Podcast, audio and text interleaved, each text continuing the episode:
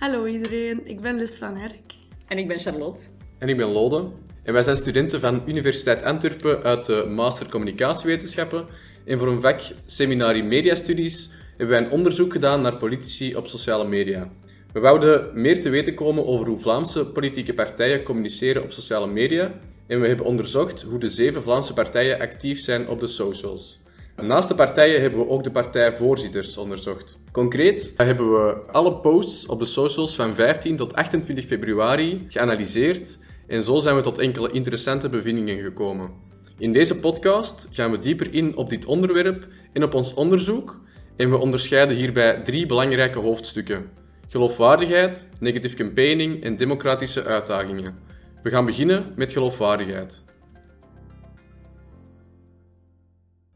Maar Lode, waarom zitten die politici eigenlijk zoveel op sociale media? Ik vind dat eigenlijk een hele goede vraag, want ik zie die mannen overal passeren. Maar ja, waarom eigenlijk? Uh, volgens mij komt dat voornamelijk omdat er op sociale media heel veel mensen actief zijn en dat politici hebben ondervonden dat ze met weinig inspanning heel veel mensen kunnen bereiken.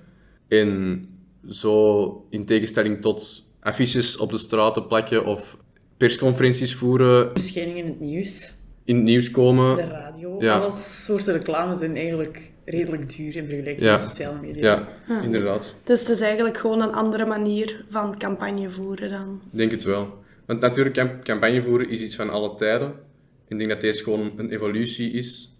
Sociale media dan, van de manier waarop dat ze het gaan doen nu. Oké, interessant. Wij hebben het genoegen gehad om een expert over het onderwerp aan het woord te kunnen laten. En dit is Laura Jacobs. Zij is postdoc aan de Universiteit van Antwerpen en haar onderzoek richt zich onder andere op politieke communicatie, stemgedrag, verkiezingen, kiescampagnes en publieke opinie.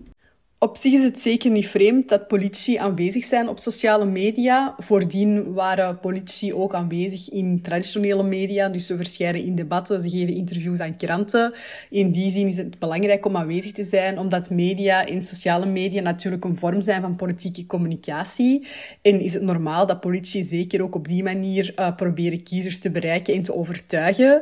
Uh, sommigen stellen zelfs dat dit positieve effecten kan hebben, doordat het meer mensen zou kunnen betrekken uh, bij de politiek. Uh, zeker als ze dat zouden doen op laagdrempelige sociale media.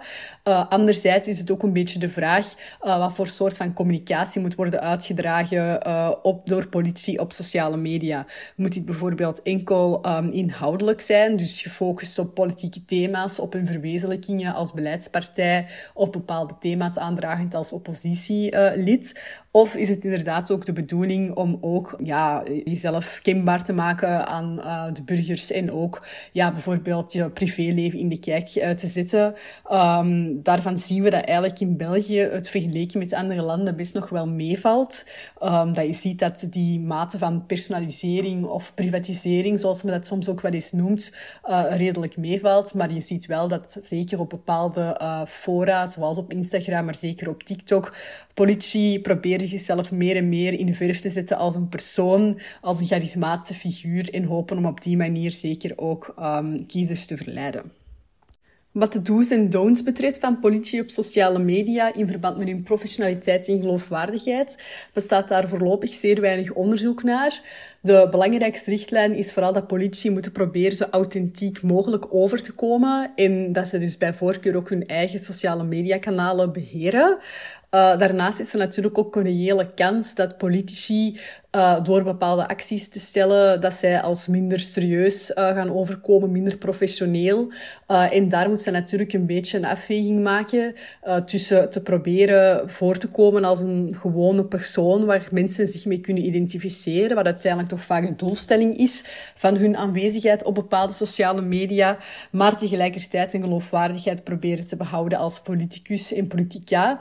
Uh, een richtlijn hierbij kan zijn, is om zeker ook um, hierbij rekening te houden met betrekking tot het soort platform. Op Instagram, op Instagram mag al eens wat meer uh, dan op uh, Twitter of LinkedIn bijvoorbeeld. en waarschijnlijk zijn er effectief bepaalde grenzen waar je als politicus of politica best niet over gaat. Dus authenticiteit is heel erg belangrijk. Uh, dit is ook wat we zagen, of wat ik zelf zag in mijn analyse van partijvoorzitter Egbert Lachaert van Open VLD. Hij stelde hier een beeld voor van zichzelf als harde werker, met ja, dus professionele beelden, maar wel afgewisseld met ook beelden samen met zijn familie, waar hij eigenlijk ook uh, een beetje die work-life balance ja, wou afbeelden. Ik weet niet hoe dat bij jullie zat. Ja, uh, bij Jeremy van Eekhout van Groen was dat ook wel het geval. Inderdaad, de combinatie tussen professionele zaken en ook authentieke dingen, backstage een beetje, kwam heel hard aan bod. Zo werden zijn dochters vaak afgebeeld op zijn, op zijn socials. Een voorbeeld daarvan is als hij zijn dochters ging afzetten bij de Giro. Toevallig was dat toen ook wel de week van de vrijwilliger, waarbij dat hij dat een beetje combineerde met dan de vrijwilligers nog eens in de bloemetjes te zetten. Maar evengoed waren er ook voorbeelden dat hij naar de Menepoort ging in Ieper met zijn familie en dat hij daarbij dan een fotootje postte van zijn dochters voor de Menepoort of zo. Ik heb dat wel totaal niet gezien bij Tom van Grieken. Maar echt totaal niet.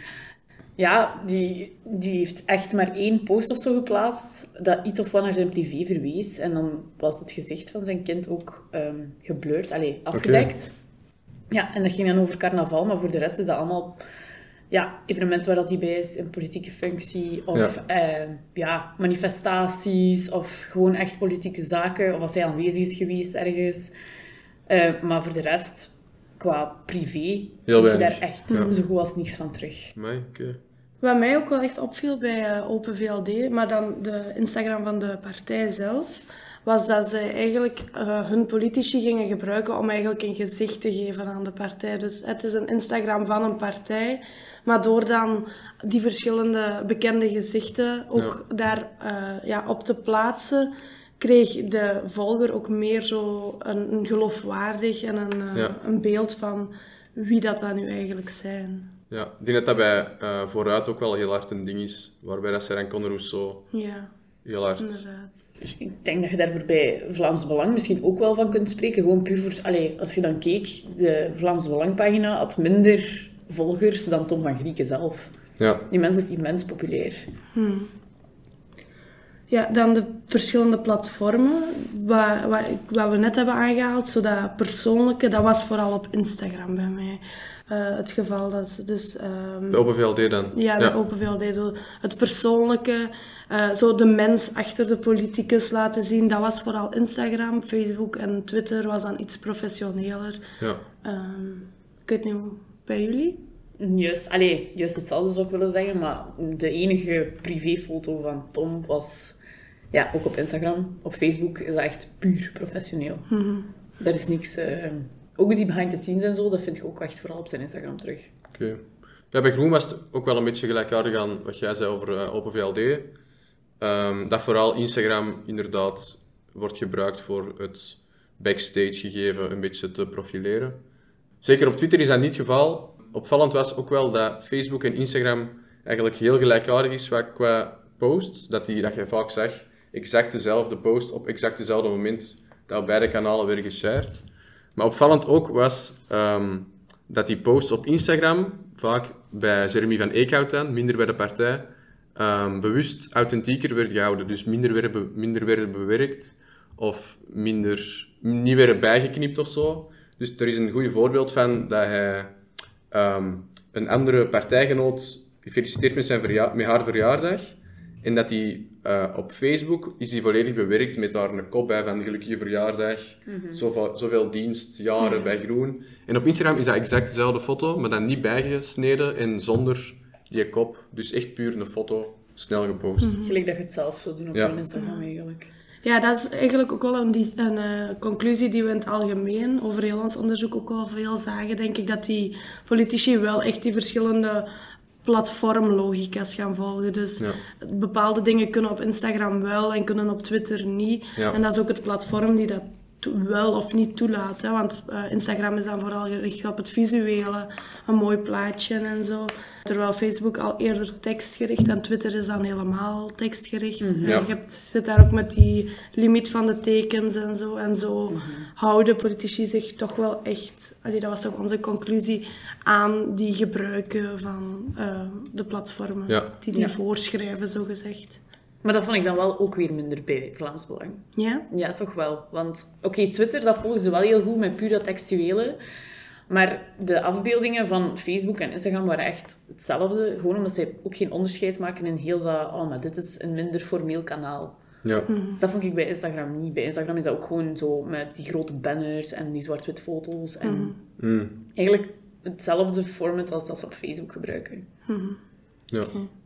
Vervolgens gaan we enkele stellingen overlopen, gekoppeld aan eh, het hoofdstuk geloofwaardigheid, waar dat we daarop volgend onze meningen wat over gaan delen.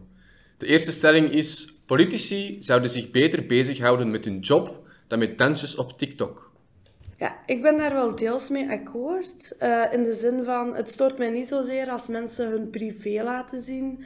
Dat zijn natuurlijk ook mensen die hebben ook vrije tijd. Die mogen dat ook gerust delen. Wat mij dan in meerdere mate wel stoort, eh, of in zekere mate, is dan als ze gaan meedoen aan bijvoorbeeld eh, een programma zoals The Masked Singer.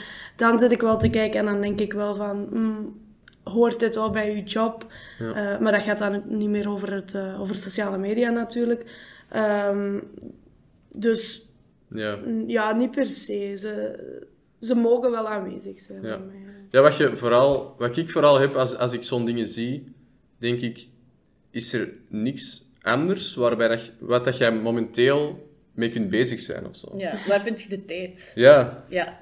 Heb je zoveel tijd dat je nu tijd een overvloed hebt om dat nog te kunnen doen? ja, voilà. Dat versta ik ook. Want ik denk ook wel dat dat, dat, dat niet zo is. Hè? Dat, dat ze daar wel veel tijd in steken die ze misschien ook niet hebben. Ja, ik maar weet dan, dat niet moet, het, eigenlijk. dan moet ja. het het ook wel waard zijn. Dat is wel wat ik mij afvraag als ik zo'n dingen zie, ja. Want uiteindelijk maakt mij dat niet uit of dat die nu in hun tuin zitten, van de zon te genieten, of bezig zijn met dansjes op TikTok. Maar misschien zien die dat als een soort van campagnevoering. Hè? Misschien is dat waar dat vroeger een, een politicus meer op tv kwam om zijn mening te verkondigen of zo, dat hij nu gewoon zoiets Ja. heeft van kijk, ik ben richting die doelgroep aan het proberen communiceren, want ik wil die ook bereiken. En dat hij daarom zoiets Ja. heeft van ik ga op TikTok, want daar zit het gro- overgrote deel van Ja, en, en zich profileren als ik ben ook nog iemand... Ik ben mee. Ja, Ik ben mee met wat er leeft. een beetje hetzelfde met een burgemeester die dan naar een volksevent gaat om daar sympathiek over te komen misschien of zo. wel. Dat kan wel, ja. Ja. Ja, het is, het is een soort van campagnevoering, maar ik weet niet of niet- ik het zo eens ben met dat Ja. soort van campagnevoering. Gewoon omdat daar volgens mij veel meer tijd in kruipt dan, dan iemand dat onder u staat een Ja. Facebook-post te laten posten. Want ja, die hebben daar een heel Ja, team achter klopt. zitten. Inderdaad, en dat als die zelf ook. verschijnen, dan zit daar ook dan- tijd in. ja, dat klopt. Dat zijn dan strategieën die ze gebruiken. Dat is niet per se echt Ja. wie ze echt zijn of zo. Dus dat is... Dat is allee. Ja, voor, voor mij is het... Ik ben dus deels akkoord met die stelling wel. Eh, enkel beter bezighouden met hun job dan met dansjes op TikTok is voor mij een beetje er overdreven misschien. Omdat, of dat ze nu met hun job bezig zijn of in hun vrije tijd die, die TikTok-dansjes doen. Ja, I don't care of zo. Maar Ja, maar je verliest voor mij wel een beetje je geloofwaardigheid als je Ja. je be- een beetje belachelijk maakt Ik denk online of zo. gewoon dat die te veel vrije tijd hebben. Want als, allee, die hebben een superdruk leven en dit hoort bij de campagnevoering. Dan, maar dan denk ik gewoon van ja, je moet nog van deze naar dat of naar het ginst. Zo gezegd, hoezo heb je nu tijd om een dansje te doen? Nee, dat klopt inderdaad. Daar sluit ik mij ook wel bij aan. De volgende stelling dan. De volgende stelling is: Ik gebruik sociale media puur om te ontspannen. Politiek hoort daar niet thuis. Dat hangt echt af van platform tot platform. Ja, dat is bij mij ook. Mijn Twitter is echt mijn nieuwslading, zeg maar. Dus daar kan ik wel politiekers op... Allee, Appreciëren? Ja, voilà. Gewoon puur omdat ik dan weet van, oké, deze leeft er nu in die partij. En ik zie dan een tegenreactie van, iets anders, van iemand anders daarop. En dan denk ik, oké. Of mensen die het daar ook gewoon totaal niet mee eens zijn. Ja, dus dat vind ik wel aangenaam. Maar bijvoorbeeld op mijn Instagram... Ik volg daar ook bewust geen politici, omdat ik zoiets heb van... Ik wil dat niet tussen mijn vrienden en tussen mijn memes en weet ik veel wat. Ik wil dat daar niet tussen zien, Ja. want dat hoort daar gewoon niet tussen, in, dat, in die sfeer. Bij mij is dat ook exact hetzelfde. Zo op Twitter heb ik dan, volg ik dan bepaalde politici, eh, politieke partijen om een beetje op de hoogte te blijven.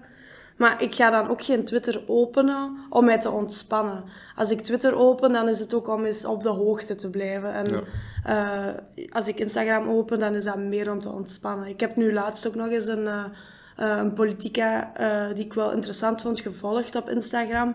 Maar ik heb die ook weer ontvolgd, omdat dat zo... Dat is niet de context waarin ik op zoek ben naar politieke boodschappen of zo.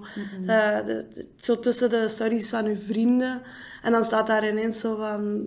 allee, de ene politieke boodschap naar de andere. Dan denk ik... eh, dan ben ik daar niet ontvankelijk voor, voor die boodschap. Ik volg eigenlijk nergens politici. Niet per se bewust. Ja, als ik op de hoogte wil zijn van, van politiek met de verkiezingen of zo, ga ik dat opzoeken Ja. op sites of zo. Maar inderdaad, om daar in de vrije tijd mee overladen te worden, is Ja. inderdaad een beetje te veel van het goede. Inderdaad. Ik moet nu ook wel zeggen, op mijn Instagram, wat ik wel merk, ook al ben ik geen aanhanger van NVA of heb ik die ook niet opgezocht of onderzocht, ik krijg daar wel gesponsorde posts van, afwisselend met groen. Ah ja. En dat zijn ook zo allemaal in meme-format. Dus ik heb Ah, gewoon zoiets van, zal, zal dat via dat algoritme zijn? Ik vraag mij af, ik kan me er niks bij voorstellen. Ja, er zijn echt ja, zo van die populaire memes. Zo, ik weet niet, kent je toch de oude Drake-meme? Dat hij zo... Ja, ah ja. ja. Deze- Ja, ja. En hij zo dat weg, wegdoet en dan zo zijn, zijn van goedkeuring Ja. geeft. Zo heb ik er onlangs eentje zien passeren, maar ik weet wel Onlangs ook. Ja, echt deze week of zo nog. Ja, die gesponsorde dingen zie ik ook wel. Ja. Bijvoorbeeld op YouTube, voor video's en zo. Zo dat, dat. Vlaams Belang Café en zo. Ja, Ja, Dat ja. krijg ik ook wel. Vla- Ja, op tv. Maar dan stoor ik mij ook wel weer aan. Van, ja. Waarom ik ben jullie gewoon een video ja. aan het kijken Ja. van, Voilà, want dat van dacht iets. ik ook. En ineens zie je daar dan Philippe de Winter of zo iets prediken. En dat heb ik bij mijn, bij mijn Instagram ook. Dan heb ik zoiets van, dat is totaal niet waar dat ik nu naar aan het kijken ben. En toch zit ik hier ineens met een, me- met een gesponsorde meme van een Ja. politieke Ja. partij. Maar ik weet nu niet of dat bij jullie ook zo is, maar op TikTok heb ik dat eigenlijk minder. Want dan, die Jos Dazen komt eigenlijk regelmatig voor. En daar kijk ik dat fragment precies wel. Waar dat ik op Instagram of op Facebook of zo veel sneller zou wegscrollen, Ja. Kijk ik dat eigenlijk wel. Misschien omdat dat ook zo korte fragmenten zijn op TikTok. Ja. Of, ik weet, ik kan er niet, eens, niet echt in verklaren. Ik weet niet of dat bij jullie ook zo is. Maar de manier waarop dat hij het brengt is inderdaad kort. En het gaat meestal over zo redelijk relevante dingen voor... Ja, studenten Ja, voilà. zo. Het is kort en opvallend. Je zei ook wel ineens... Ze prikkelen nu ook wel. Maar het is ook niet te zwaar. En het is ook meestal als hij een of ander goed punt aanhaalt dat in het voordeel speelt van studenten tegenover een andere partij. Terwijl ik heb Dries van Langenhoven ook even een tijd op mijn, eh, op mijn feed gekregen, op mijn For You-page. En dan dacht ik wel van, wat doe hier eigenlijk? En dat is ook zo'n plechtige uitleg. Ja, en hij ja. heeft zo zijn, zijn t-shirtje aan van Dingske, van Schild en Vrienden. En dan denk ik, ja man, ik wil u eigenlijk niet zien. Dus dan kijk ik daar ook niet naar. Nee, ja, dat snap ik. Het is zo niet natuurlijk, terwijl Jos Dazen, is meestal in het parlement. Hè. Als Ja, voilà. praten Ja, is. daarmee. Dat komt ook zo, ja, natuurlijker over. Of. Dat. Daarmee zijn we aan het einde gekomen van het eerste onderdeel geloofwaardigheid. Zometeen gaan we dieper in op negative campaigning.